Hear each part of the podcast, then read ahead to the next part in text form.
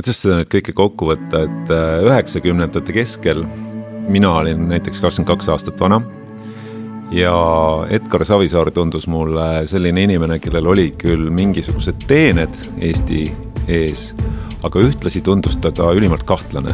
tundus, et ta tahab lükata Eestit nagu kuskile mujale, tahab nagu tagasi lükata sinna kuskile, kus ta varem oli, sinna Nõukogude Liitu või, või ma ei tea, kuhu ta nagu nügis, ta ei olnud nagu usaldusväärne.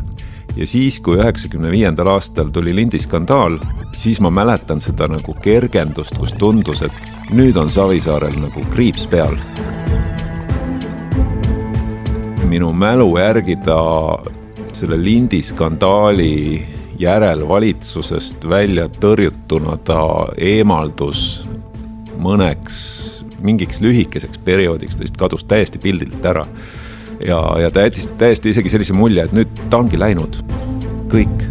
see müüt, mida tagantjärgi räägitakse, et mm, ma justkui olevat teatanud, et ma nüüd enam kunagi poliitikasse ei tule, see ei ole õige, otsige see koht üles. ma räägin sellest, et jah, ma lahkun oma toonast ametikohtadelt, aga ma ei ütle, et ma lähen ära poliitikast nüüd ja igaveseks. see tundus kõik kuidagi nii loomulik, et noh, ongi mineviku igand, lahkus pildilt nüüd on ainult ees selline Eesti liikumine nagu läände, Euroopasse, see tundus mulle noorena kõik selline hästi, hästi selge ja sirge tee. ja Keskerakond ise oli ka nagu tundus selline lagunemise äärel. Siis läks natuke aega mööda ja, ja seda suurem oli mu jahmatus, kui ma mäletan, et ma olin siis järgmine aasta kõnnin üle Vabaduse väljaku ja vaatan, mida kuradit see asi siin teeb, näen nagu plakatit, kus on Edgar Savisaar on mingisuguste poksikinnastega.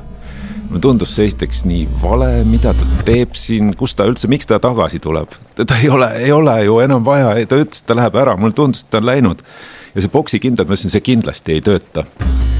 aga ometi, kui me nüüd ajaloost tagasi vaatame, siis tegemist oli Eesti, võib-olla Eesti poliitreklaami algus.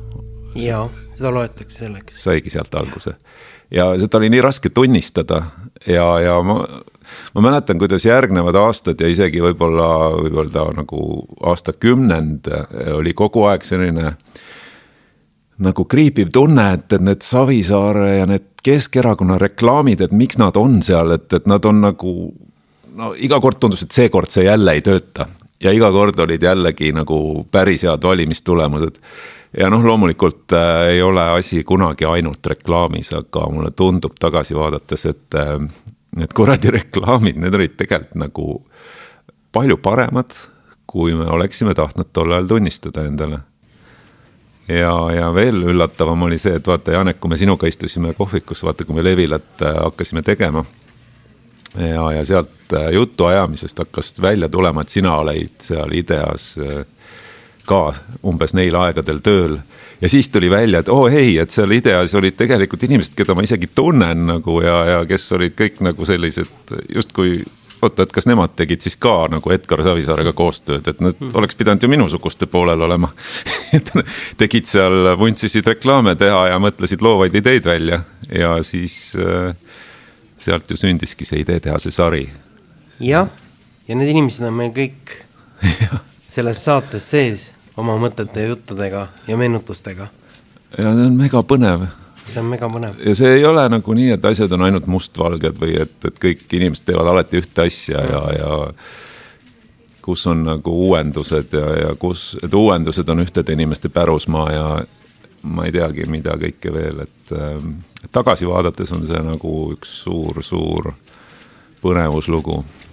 meil on jah, selles äh saatesarjas räägivad äh, omaaegne IDEA üks juhtidest Paavo Pettai, Urmas Vilman, kes oli üks loovdirektoritest, äh, Kärt Vilman, äh, kõige esimene disainer, kunstiline juht IDEA-s ja Annika Aavikson, kes tuli otse ülikoolist politoloogia lõpetanuna Keskerakonna kampaaniaid vedama. mina tulin küll mõnevõrra hiljem sinna, aga see asi kõik veel käis täiega sel ajal. Ja siis ma ei osanud muidugi seda vaadata, sest et, et täpselt nagu sa rääkisid, et äh, pigem ma tundsin, et ma olen ka teisel pool mingitel põhjustel. aga takkajärgi jah, kogu see asi, mis, kogu see lugu, mis nüüd lahti rullub, tundub ikka uskumatu kohati. ja, ja ilmselt äh, ei ole see mitte ainult ajaloolise väärtusega, vaid äh, ma arvan, et need lood jäävadki juhtuma. et äh, tulevad uued poliitilised jõud, nad leiavad uued talendid, kes äh, teevad nendega koostööd.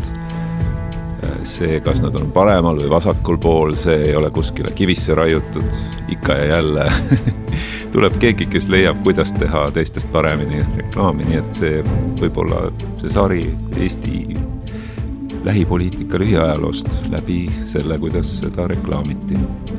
ja meil on ka selles äh, saatesarjas üks lähedane võitluskaaslane Savisaare, võitluskaaslane, kui nii võib öelda, Ain Sepik. jah. ja kõik, kõik nad äh, rääkisid äh, kire ja äh, innuga sellest toimunust ajast, nagu see oleks juhtunud eile. kõik oli meeles detailideni. ja palju oli ka läinud meelest, aga me taastasime mõned mm -hmm. puuduolevad lõigud. aga hakkame kuulama jah